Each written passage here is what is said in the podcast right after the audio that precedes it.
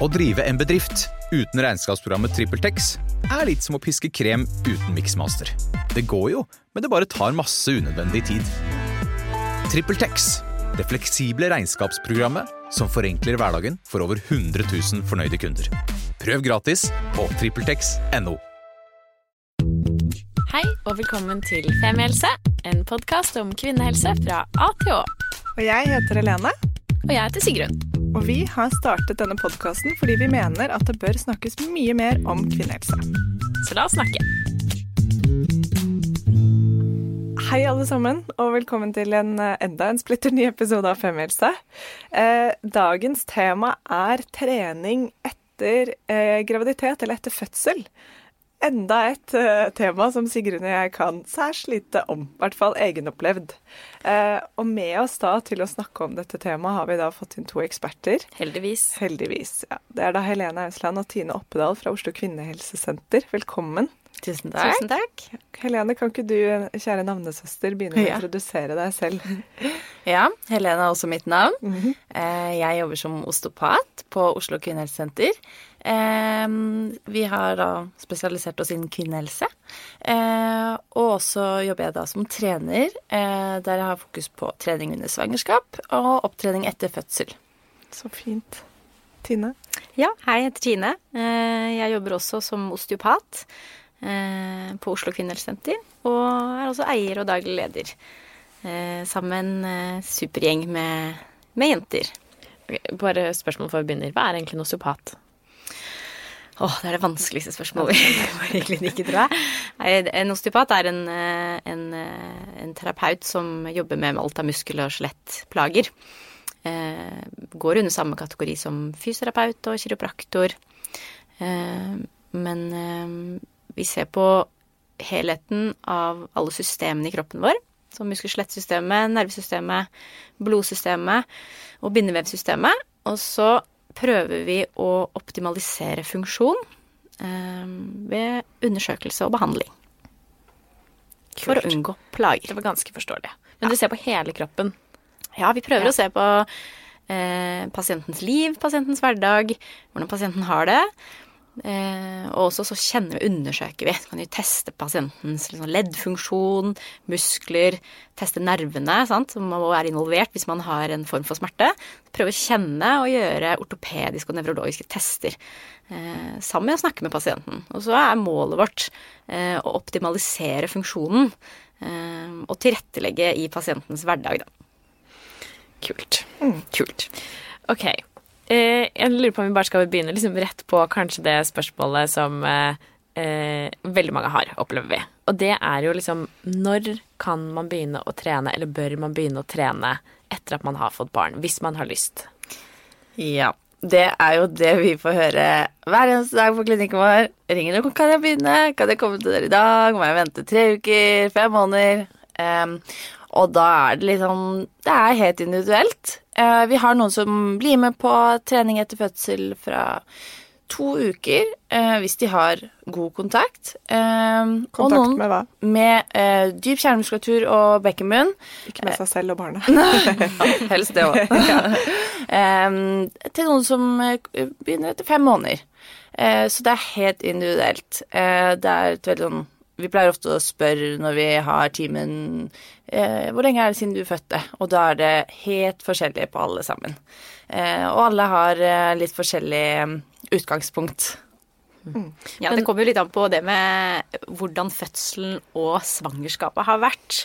Eh, Så det er som Helene sier, det er kjempeindividuelt og vanskelig å si, men vi, vi snakker jo ofte litt om fjerde trimester.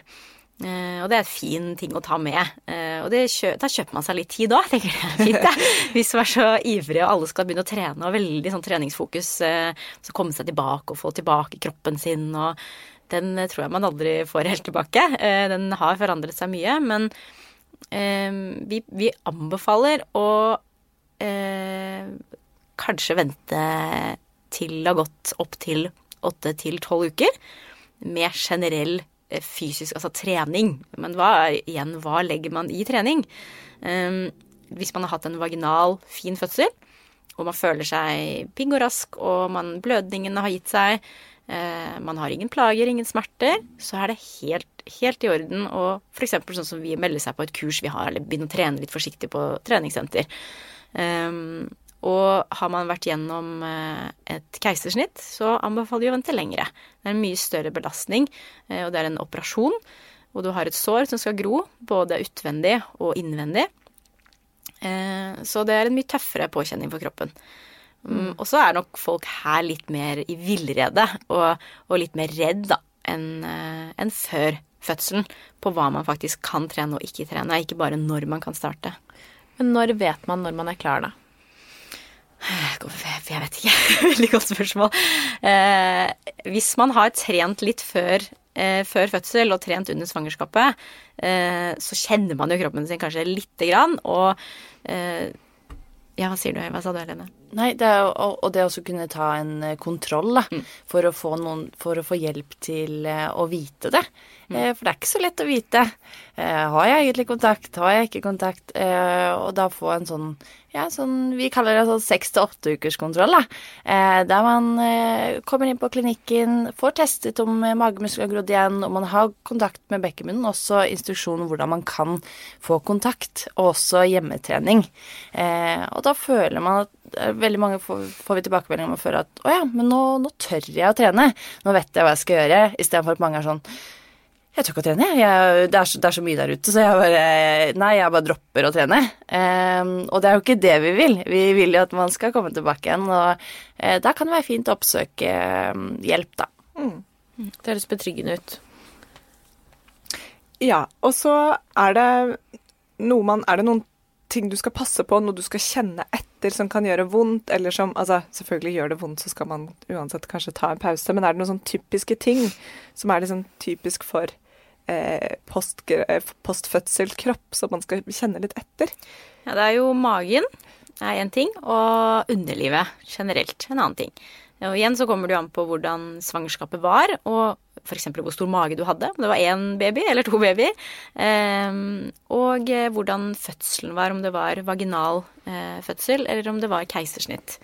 Men de tingene som vi har, sånn som Helene nevner på den 68-ukerskontrollen, så vil vi gå gjennom hele denne form for sykehistorie, hvor vi snakker med, med de kvinnene om alt dette, hvordan fødselen var tiden etterpå. Eh, vi har også konsultasjon med jordmoren vår, som gjør en vaginalundersøkelse og sjekker livmor og blødning og sting eventuelt, hvis de har hatt det. Eh, og vi kan da kjenne og teste magemuskulaturen, f.eks. Om den, den deler seg jo i to, de rette magemusklene, når du, har, eh, når du går gravid og magen vokser. Og de skal jo gro sammen igjen. Det tar rundt opptil tolv uker, men sånn åtte til tolv uker så skal de ha grodd sammen igjen. Eh, og før det har skjedd, så anbefaler vi ikke å trene magen, f.eks. i øvelser som veldig tungt for de rette magemusklene, som planken og situps, f.eks. Um, kan man sjekke sånn, dette selv? Ja, det kan man. Hvordan gjør man det? Det er ikke så lett. Så vi opplever jo at de fleste spør oss om det, og man kan komme på en sånn type kontroll, eller snakke med en, en eller annen form for terapeut da, som jobber med muskel-skjelettplager. Men det, den som er en sånn veldig fin test, er hvis du ligger på ryggen og gjør en, en situps-bevegelse. Eh, og strammer magen, og så ser du om magen Hvis den løfter seg litt i midten som en sånn telt, så er det et tegn på at eh, magemuskulaturen ikke har vokst sammen igjen, og da øker du buktrykket. Eh, og den vil jo altså gå eh, minste motstands vei, og hvis du ikke har det muskulaturen som dekker, så vil den stå opp som en sånn teltform. Og det er tegn på at du har en svakere bukvegg og muskulaturen ikke har vokst sammen. Så da må du vente til den har vokst sammen. Kan vi også skyte litt inn der at eh, vi går litt mer med bort fra den at eh, avstanden eh, på de rette magemusklene har så veldig stor betydning. Det er mer det at du har kontrollen, eh, og at sånn som Stine sier, at det ikke kommer noe ut, eller at du kan presse hendene dine langt inn mellom magemusklene. Så det å lære seg å håndtere hvordan man skal jobbe med de magemusklene her, da. Ja, så det kan være en, en viktig ting. Så det å ha mellomrom mellom magemusklene er ikke i utgangspunkt et problem? Nei, det trenger ikke å gi noe smerter eller ubehag. Eh, og det er jo liksom hvis du ser på veldig trente mennesker som aldri har født, eh, som har veldig tydelig sixpack, så kan du kanskje ofte se også at de kan ha et mellomrom mellom magemusklene sine, og det trenger ikke å være noe problem. Også, jeg kan kjenne på meg at jeg har ikke født, og jeg kan kjenne at jeg har lite mellomrom. Eh, sånn at det handler mer om funksjonen enn utseendet, og det er litt viktig at at, vi får med. Mm. Og det har jo, hvis man leser liksom eh, rectus diastase, altså den diagnosen heter hvis man magemusklene ikke vokser sammen, så kan mange steder så står det at det er to Hvis det er mer enn to centimeter, eh, så, eller to fingre eh, på en måte du kan putte mellom magemusklene, så er det, er det en rektusdiastase. Mm. Vi går mer og mer bort fra det, men at vi heller ser på funksjon. Og det er ikke så lett å for nå sitter jeg og prøver selv. selv, og jeg, jeg vil si at uh, hvis, jeg pre, hvis, jeg slapper av, men presser litt, så kan jeg jo få to. Ja. Kan jeg ikke det? Jeg kan vel Nei, jeg vil si at det er veldig Og de fleste har jo ikke testet før de Nei, føder heller. Så man kan, man kan, ha det samme mellomrom, og så tenker man etterpå ja, men jeg har jo mellomrom, så har du egentlig hatt det hele tiden, da. Ja. Mm. For at du skal få det til godt og gjøre en god test, og så kan man gjøre det hjemme. Ja, man kan ta en sånn kjapp test, men det blir ikke så god test. fordi at når vi tester i klinikken, så ber vi de først om å, rette, altså, gjøre den enkle testen med å rette seg opp i en situps. Og så hvis de får denne coningen, eller den, teltformen på magen, så ber vi de legge seg ned igjen, og så lærer vi de å aktivere de dype magemusklene som går på skrå, som ikke deler seg. Og når de får på de, og så gjør de en ny situpsbevegelse, da skal de ikke få denne coningen. Og det er det som er treningen, opptreningen, etter fødselen.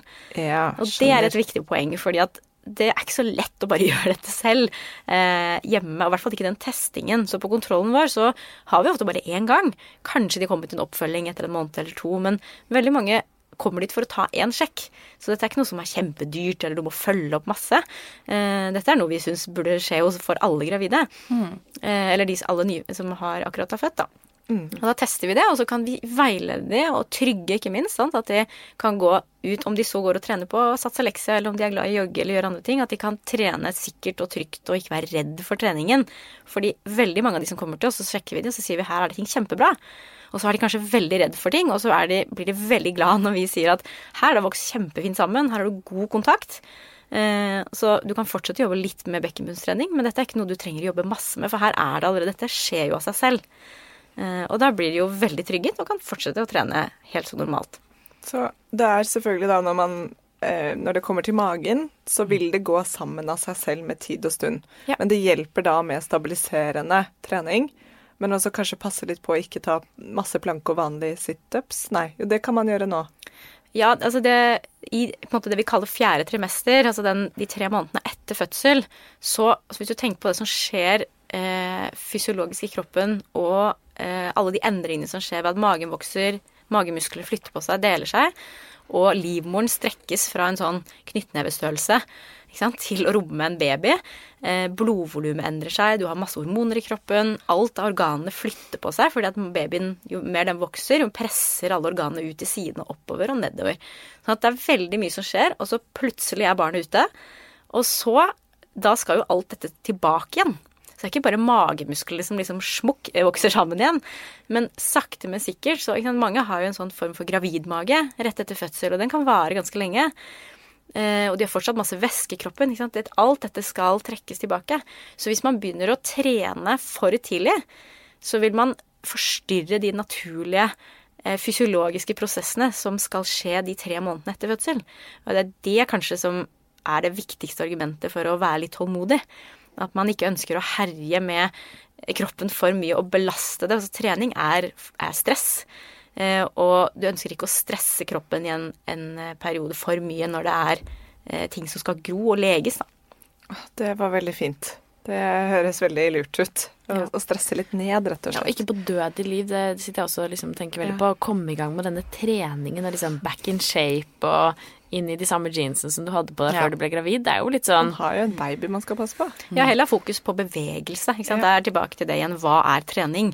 For når vi snakker om trening nå, så snakker vi mye om liksom å gå på styrketime, gå på lekse, eller sånn som mm. vi har hos oss, jogge, sånn jogge, sånne ting.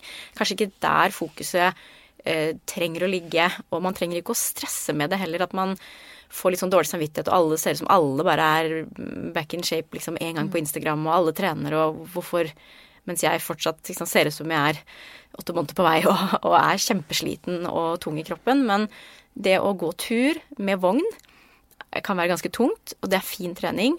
Det å bare bevege, være i bevegelse, og det å ta det litt med ro de månedene etter fødsel, og, og la kroppen komme, altså trekke seg tilbake, eh, og leges etter svangerskapet.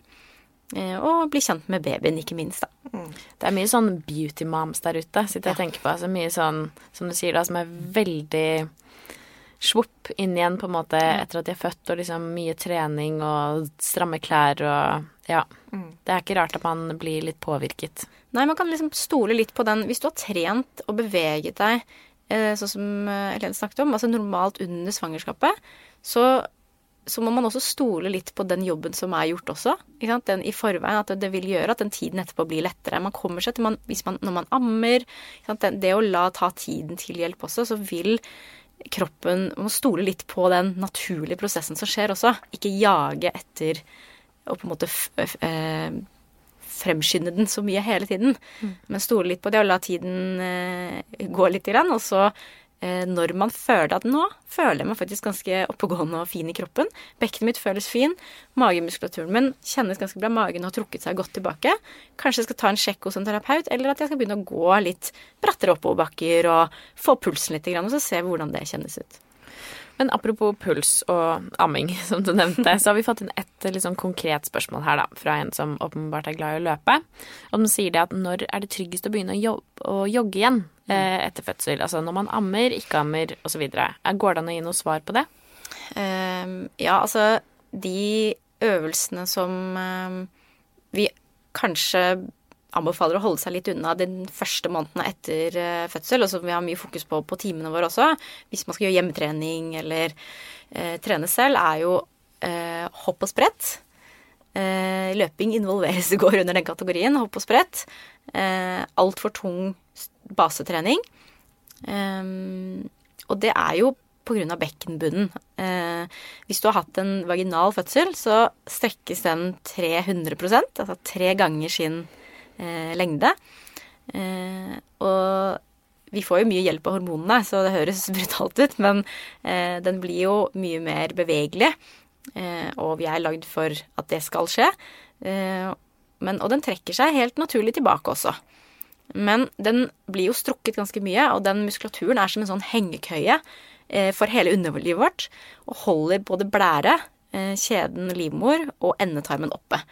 Og når den strekker såpass mye, så eh, er den jo litt slapp etter fødsel. Altså den lille den tiden etter fødsel. Og dette er også det med at man skal la eh, ta tiden litt til hjelp og la kroppen trekke seg tilbake. Så hvis man begynner liksom å jogge, trene altfor tungt, hoppe og sprett, hoppe, eh, hoppetau og leke med barna på trampolinen, så kan man oppleve at man ikke har den kontrollen på bekkenbunnen. Sånn at man kan f.eks. få en urinlekkasje, eller oppleve at man kan alt fra skvette litt grann, til at man tisser ordentlig på seg. At man ikke har kontroll der i det hele tatt. Det er jo ikke noe gøy. Nei, og det er fordi de musklene som ligger rundt urinrøret og holder blæra oppe, de har fått seg skikkelig juling og, og klarer ikke å gjøre jobben sin godt nok. Fått, vi har fått inn et spørsmål her fra en tobarnsmor, og nå er yngstemann to år gammel, og hun sier jeg tisser litt på meg når jeg jogger. Hva kan jeg gjøre med det? Mm. Og da er det jo forskning viser at det er bekkenbunnstrening som har best effekt. Altså du har jo eh, alvorlige tilfeller med fødselstraumer hvor de trenger en operasjon etter fødsel. Så dette er jo noe legen må, må gå og konsultere med lege og gynekolog, og eventuelt en urolog hvis det er alvorlige tilfeller. Det er ikke, noe, det er ikke alt vi kan hjelpe og veilede med med trening. Eh, men veldig ofte så ser vi at eh, man kan få utrolig god hjelp med trening. Og det er ikke morsom trening, det er kjedelig bekkenbunnstrening, men det har veldig, veldig god effekt. Så hvis man sliter med urinlekkasje eller eh, stressinkontinens eh, opptil flere år etter et svangerskap, så er det det å igjen tilpasse trening. Ikke hoppe og sprett, løpe, stresse, ikke stresse den hengekøya som holder blæra oppe og få testet deg hos en terapeut, sånn at du vet at du gjør ting riktig. Og så kan du få veiledning i hjemmetrening. Du kan få selvfølgelig få oppfølging hos terapeut også. Mm. Så det er mitt, mitt, råd for det. Så fint. Ja. Jeg tror vi begynner å, å nærme oss eh, en oppsummering her, Sigrun. Hva tenker du? jeg tenker det. Er det noe mer dere syns vi burde legge til? Kanskje bare det at man har litt fokus på å bygge sten for sten. At liksom man starter med det som har vært en utfordring, og det er jo ofte bekkenbunnen og magen. At da må vi starte der, og så bygger vi oss oppover. Vi får inn veldig mange kvinner som har bare kjørt på med en gang, og så kommer de og så bare 'Jeg har så mye vondt, og vondt i ryggen', og så tester vi kontroll, og så gjør en øvelse, så ser man at de har ikke kontroll på magen sin eller bekkenbunnen.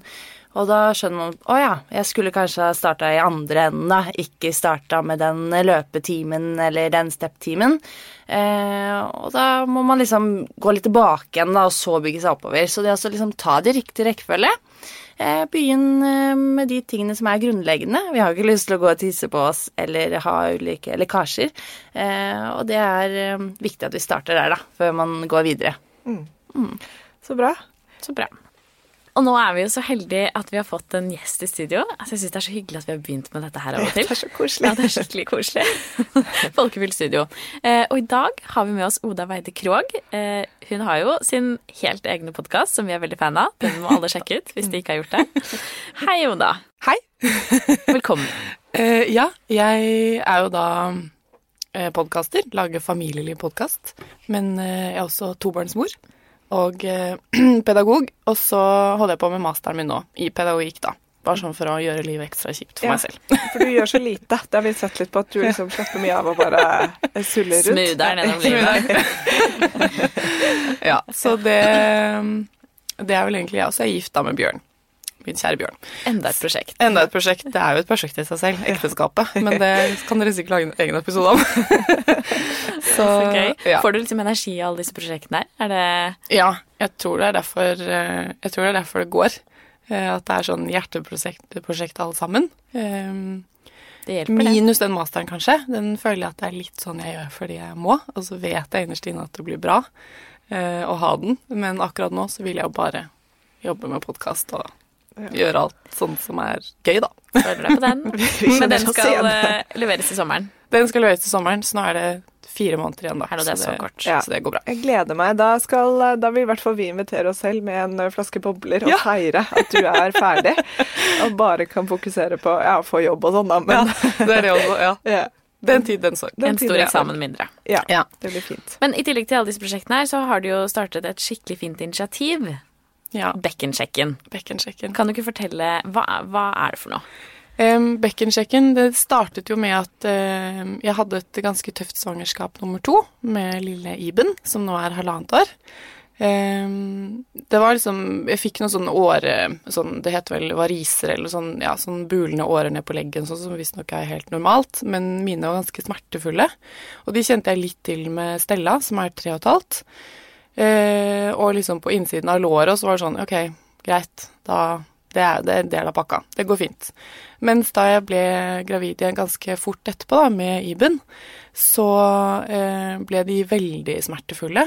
Og jeg ble rett og slett kjempehoven i underlivet. Eh, vondt å sitte. Det er ikke sånn optimalt å være student da, selvfølgelig, når du sitter veldig mye. Men eh, da var allerede uke 15 da, i svangerskapet, så eh, hadde jeg kjempeplager og følte som at jeg hadde en fullvokst baby i magen, for jeg hadde nedpress, da. Så da Hva er nedpress? Nedpress, eh, i hvert fall sånn jeg har forstått det, er jo at du kjenner et kjempetrykk i underlivet og i bekkenbunnen, da. Ja, Altså, det det er liksom det, det er som press i tissen. Ja. Det er veldig vondt Ja, og sånn. ubehagelig, for det er der hele tiden. Åh, det hørtes Eh, slitsomt ut. Og så blir det sånn, ja, det så prikkende ned i benet, og det stråler veldig, og sånn stikker, og ja, så jeg har jo nå maraton med støttestrømper. Mhm. Jeg er vel på fjerde året, og går fortsatt med det. Fordi det hva gjorde du da, når du begynte å få så mye smerter altså såpass tidlig i svangerskapet? Ja. Oppsøkte du hjelp? Da oppsøkte jeg hjelp. For da var jeg først og fikk massasje, for jeg tenkte at uh, det er det jeg trenger. Så gikk jeg på Klinikk for alle på Murstad, og så fikk jeg en veldig god massasje, men så sa hun at jeg tror kanskje du skal gå til en, eh, en, en annen enn meg. Eh, og så anbefalte hun meg til eh, Mona, som er min eh, hjerteperson, for hun reddet mitt svangerskap. Og hun sa da at eh, hun så veldig tydelig at eh, jeg hadde jo da sånne store hevelser i bekkenet, da. Eh, og at hun også var veldig overrasket over at jeg hadde så mye plager så tidlig. For jeg var jo altså, så vidt kommet inn i andre trimester. Um, og da fikk jeg jo behandling og måtte gå til henne annenhver uke. Og som student så er det ikke spesielt billig, men alt for helsa, og alt for at det svangerskapet skulle bli så fint som mulig. Men det var veldig vondt, og det går ut over psyken. Det er ikke noe gøy når det er 30 grader å gå i støttestrømper. og Stella som jeg skal bære, det gjør jo ekstra vondt. Eh, bare å gå ut av senga før jeg fikk på meg støttestrømpene, da var det sånn det brant i hele benet, da. Så eh, Og så ble jeg veldig nysgjerrig på sånn Er jeg veldig rar, og jeg er 27 år? Hvordan kan en liksom, gåsehudene ung kropp da, som Hvorfor, hvorfor, skjer det med meg? Jeg tror kanskje det er det veldig mange føler, og nå som det er så press på Eller ikke press, men sånn Få barn når du er ung, det er så bra. Eh, så jeg spurte Mona, jeg ble veldig sånn nysgjerrig, litt sånn faglig, og da kan du fortelle hva det er, og hvorfor er det sånn, og er det min feil? Og da hun, spurte hun om jeg hadde fått eh, sjekket knipemuskulatur og eh, posisjon på livmor og sånn etter første fødsel hos fastlegen på seksukerskontrollen. Og det hadde jeg ikke fått, for han spurte jo bare kan du knipe når du tisser. Og det følte jeg jo at jeg kunne, men det var ingen som sjekket det. Så da ble jeg kjempeprovosert av det, og spurte liksom men er det meningen? Så sa hun ja, det skal jo egentlig fastlegen din gjøre når du er der. Det bør han hvert fall gjøre, og det er de opplært til å gjøre. Og så eh, begynte jeg liksom å fortelle litt da, til venninner og så noen andre som har vært gravide, og så liksom Så når man deler, da, så er det jo ofte mange som deler tilbake. Og så skjønte jeg at dette her er det jo kjempemange som har. Og så via da eh, podkasten, som jeg også sånn, heier veldig på kvinnehelse og bare at man skal ha et godt liv, så eh, lagde jeg en episode med Mona veldig i starten, og da rant det inn med meldinger fra kvinner som sa takk. Og det var så rørende, og det var også veldig vondt, og det var noe som har vært sykemeldt i to år og bare fått høre sånn klassisk 'ja, men det går over', eller 'sånn er det'. Kroppen eller, må ta seg inn igjen, liksom? Ja. Eh, tar litt tid. Eh, eller liksom Det er helt normalt. Hva slags plager er det man blir sykemeldt med da? Eh, ja, jeg ble jo da fullt sykemeldt fra jobben min, for jeg hadde jo en jobb eh, som jeg ikke klarte å ha. Eh, og da ble det vel, sto det vel noen sånn smerter i bekkenet, da. Mm. Eh, og, ja, og det var jo da også Jeg gikk jo til en privat jordmor for å liksom få ekstra oppfølging med, i svangerskap nummer to. Også da en kollega av Mona, eh, som også sa at du kan ikke jobbe. Altså det du får Det blir jo Du skal liksom tenke at du skal ha en fødsel her også. Eh, så du må liksom Nå må du ta det veldig på alvor. Jeg er jo litt sta. Så, ja. så jeg vil jo liksom ikke Kanskje ikke innrømme helt i starten at uh, kroppen min ikke ville være like på lag som jeg syns den burde, da. Mm. Så da lagde jeg hashtag bekkensjekken på, på, Instagram.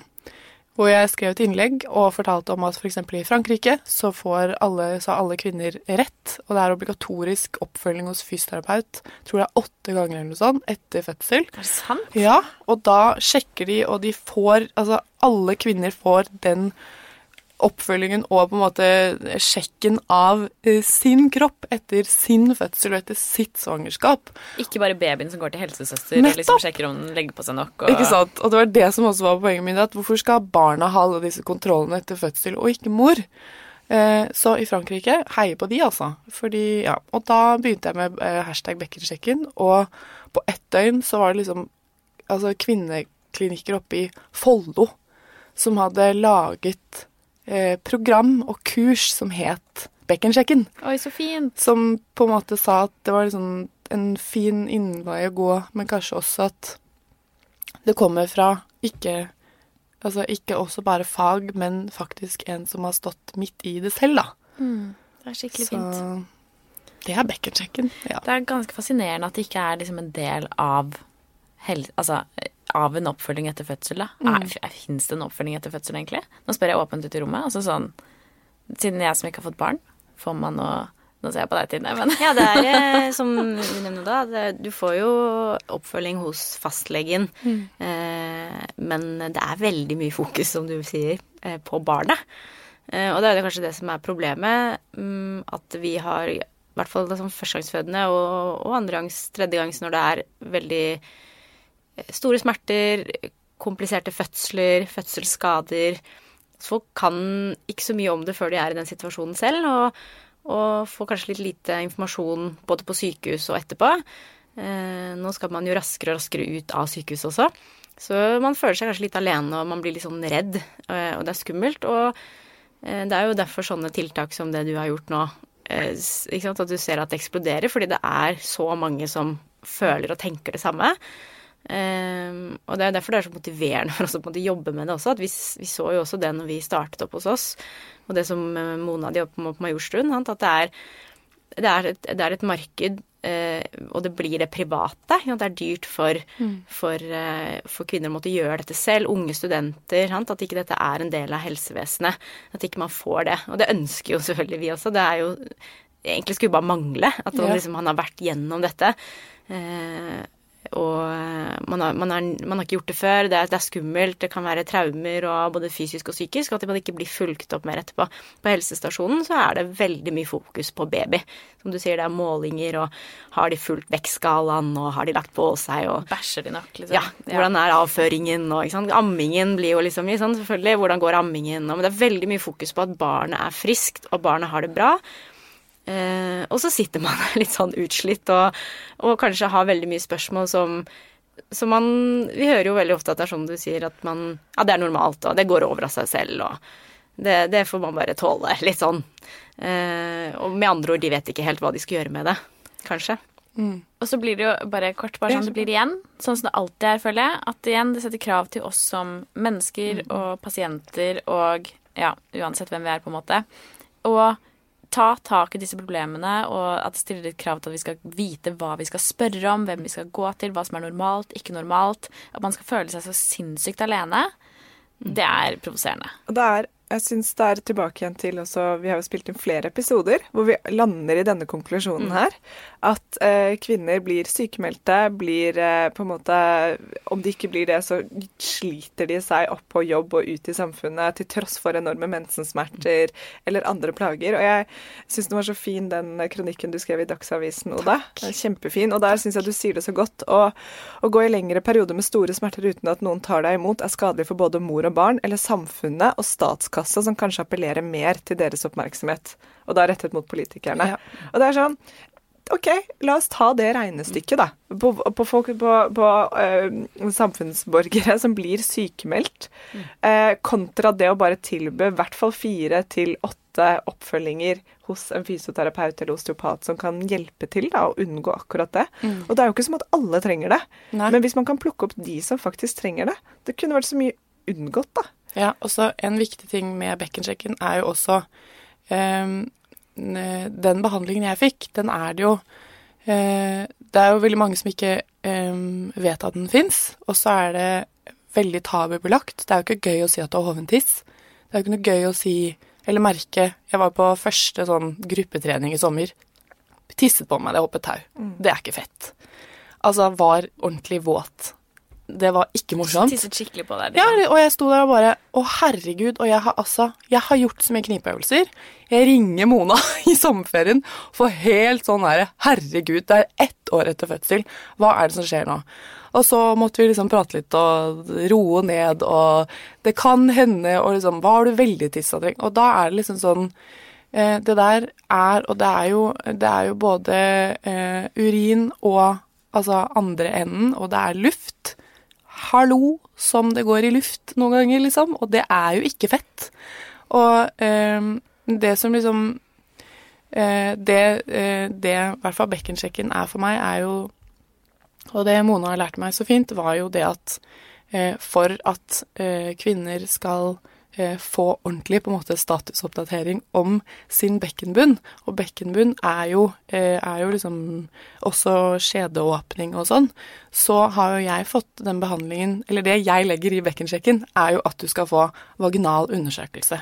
Og det er det jo veldig mange som ikke eh, gjør, f.eks. da fastleger og veldig mange andre. Og eh, det skal jo selvfølgelig altså Mona vi hadde sånn gjennomsnakk av behandlingen og hva, hva skal vi gjøre, og litt sånn som gynekologen sier sånn Nå skal jeg sette inn spekulum, eller hva det heter. At du liksom Litt sånn hva som skjer, og så er det jo ikke Det er jo ikke overdramatisk, men det er jo at hun liksom kjenner med fingrene, og hun kjente jo at det var jo altså så stramt. Og eh, det er jo på en måte litt som at eh, det blir litt vanskelig å fikse tennene til folk uten å titte inn i munnen og liksom gape og pirke borti tannen. At du må jo gå Det er liksom ordentlig lokal behandling, da. Ikke bare utenpå eller bak, eh, liksom i korsrygg eller noe sånt. Det er liksom Bekkenet er så mye mer, og det var jo det jeg også da skjønte at eh, ja, bekkenløsning og sånn. Altså det er jo så vidt, men den behandlingen som jeg også har fått tilbakemelding av kvinner som har sagt takk for at du liksom fortalte hva slags behandling man fortsatt, faktisk kan få, og hva vi egentlig har rett til, da, um, er jo at folk kan bli bedre ganske raskt. Mm. Er det mange som kommer til dere med sånne type plager, Tine? Uh, ja, det er det. Uh, det er jo både, som du toucher inn på, det med underlivs Altså den derre underlivsnedpress, hovent, sårt, vondt. Og så er det mer de der bekkenplagene. Man mm. kan skille litt på de to tingene. Eh, og mange har, kan ha begge deler. Mens eh, sånn som det høres ut som de plagene dine var kanskje mer det med underlivet, ikke sant? og det med sirkulasjon og drenasje til ned i beina. Mm. Eh, og det er ganske greit å fange opp sånn for oss som osteopater eller terapeuter, fysioterapeuter også, at man tenker litt mer på funksjon og den helhetlige tilnærmingen. Så når, når de kvinnene kommer og beskriver de plagene, så er ikke det noe nytt eller noe revolusjonerende for oss egentlig. Sånn, det, man forstår ganske godt at dette handler om sirkulasjon. Det handler om at man har for økt, altså for mye trykk og press ned i bekkenbunnen. Eh, og det hindrer en god sirkulasjon og drenasje i bekkenet. Så da kan man undersøke dette på forskjellige måter, men en av de undersøkelsene er jo det å gå inn og kjenne. Man kan kjenne vaginalt, man kan kjenne på bekkenbunnen generelt, man kan veilede i ved trening, eh, og man kan jobbe med generell sirkulasjon både lokalt fra fot og ned til opp til hofter og opp i magen, altså opp i mellomgulvet. Mm. Veilede med pust, og man kan med yoga, pusteøvelser, sånne ting. Så det er en sånn det å se Det som du sier, det å informere kvinner om hva er det de har rett til, mm. og hva fins, da. Sant? Hvis de har gått til legen sin, som de har gått til i 20-30 år og har full tiltro til, og de kanskje kjenner ikke til disse tilbudene, og så har de gått til gynekologen sin, som kanskje heller ikke er så, så oppdatert eller har vært borti en sånn type funksjonell undersøkelse, og sier alt ser fint ut, det er ikke noe, er ikke noe galt med deg, liksom. Og det å informere om at det finnes funksjonell undersøkelse, eh, sånn at man kan gå og få undersøkt eh, og, og sett på de, de type, den typen problematikken. Da. Det er jo kjempeviktig å informere om. For der har jeg et spørsmål. Vi har jo eh, lyttere faktisk nå over hele landet. Og det finnes jo mye her i Oslo, sånn som Oslo kvinnehelsesenter f.eks. Men hvor går man da? Eh, hvor mm. begynner du i hvert fall å lete etter å finne noen som kan hjelpe deg i byen du bor i. Om det er i Grimstad eller Bodø. Eller bygda. Eller bygda, liksom. Knøttlille tettstedet. Ja, hvor, ja, det er en kjempeutfordring. Vi har pasienter fra hele Norge som kommer til oss. Vi har pasienter fra Sverige, vi har pasienter fra England. Eh, det sier også noe om tilbudet, at det bør være flere eh, mer åpenhet og, flere som jobber med dette. Men det er en utfordring, ikke bare for dette, men sånn generelt. At det, når man spesialiserer seg inn i et felt, så er det selvfølgelig flere av de som jobber i storbyer. Eh, men det finnes mange som jobber Det er flere og flere som jobber med dette nå. Og, og det får jo mye mer oppmerksomhet og fokus, heldigvis, med sånn som kanaler som dette. Så vi har eh, flere som vi kan henvise til i store byer som har jobbet med dette lenger enn oss, eh, og kanskje bare ikke har fått den oppmerksomheten og, fokuset tidligere. Um, så, men de må kanskje reise litt, da. Men jeg ville i første omgang startet med å snakke med fastlege og høre i hvert fall hva uh, Eller jordmor eller gynekolog. Og kommer de til kort og kan ikke svare på de spørsmålene, eller du føler ikke at du blir hørt, så er jo de fleste finner jo ting på internett.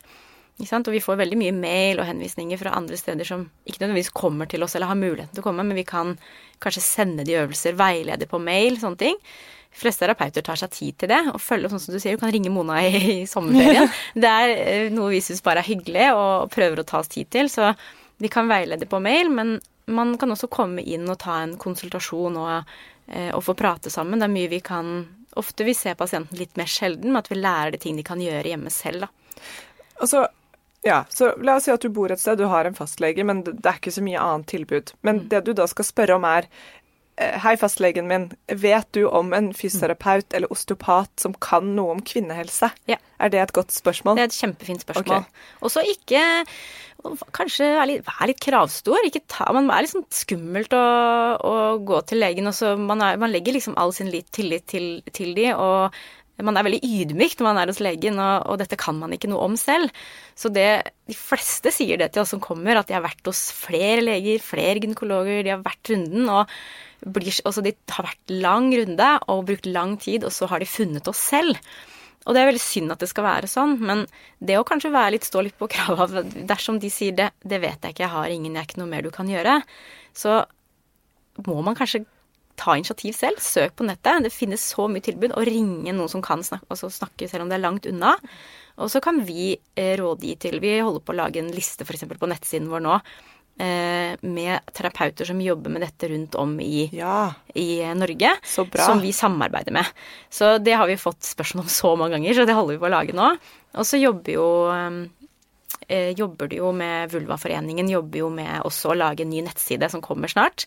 Eh, Det gleder vi oss til. ja, så det blir kjempespennende. Og der skal det også være for en, altså to portaler på nettsiden. Eh, En portal for fag, fagpersoner rundt om i Norge. Og der kommer det også være en, en som er for pasienter, eh, hvor de kan gå inn og lese. Og der skal det også ligge en liste eh, over alt av helsepersonell som jobber med kvinnehelse i Norge. Så det kommer nå. eh, så og det bra. blir, Det så det, sykt bra. det blir bare bedre og bedre, og hjelper jo at eh, på en måte privatpersoner også lager litt blest og, og krever litt mer, da. Mm. Ja, dette er akkurat derfor vi startet Femmils, i hvert fall. Vi kan trekke eksperter inn i studio og si nå, svar på alle spørsmålene våre. Let's make a rebel. Ja. Så bra. Mm. Ja, det var veldig fint. Og en veldig fin avslutning på, på denne episoden. Som veldig heia deg, Oda. Det er skikkelig, skikkelig fint. Og som du sier, bare sånn å gå ut og fortelle om hvordan man har det, og ting som kanskje er kleint og vanskelig, og som man føler seg mutters alene med. Mm. Man er jo aldri alene. Nei, sorry. Ja. Aldri alene. Og Familielivpodkasten, hva heter den episoden du laget med Mona? Heter den Det er nummer fire. Den heter um... Å, nå står det helt stille. Det er nummer fire. Nummer fire. Episoden nummer Det fire. bør være enkelt å finne. Så alle sammen, gå inn og hør på familiepodkasten med Oda Weide Krogh, episode nummer fire, hvis dere vil høre mer om dette. Veldig bra. Ja. Tusen takk eh, for at Takk du kom meg. og delte din historie. Takk til Tine, og takk til Helene nummer to. Takk for meg. Eh, og Helene nummer én. Og Skal takk vi si ha det sammen? Ja. En, to, tre. Ha det bra. Ha det. Takk for at du hørte på. Tusen takk for at du hørte på podkasten vår. Selv om det forhåpentligvis kommer tydelig frem, så vil vi understreke at vi ikke er helsepersonell. Ja, så som vanlig, kontakt legen din om du har noen spørsmål, eller om du skal begynne på noen form for behandling. Og har du et tema som du har lyst til at vi skal snakke om, eller noe ris eller ros, så send oss gjerne en melding på Facebook eller på Instagram. Der finner du oss under Femihelse. Og du kan gjerne rate oss på iTunes, det er skikkelig hyggelig for oss. Ha en fin dag! Ha en kjempefin dag.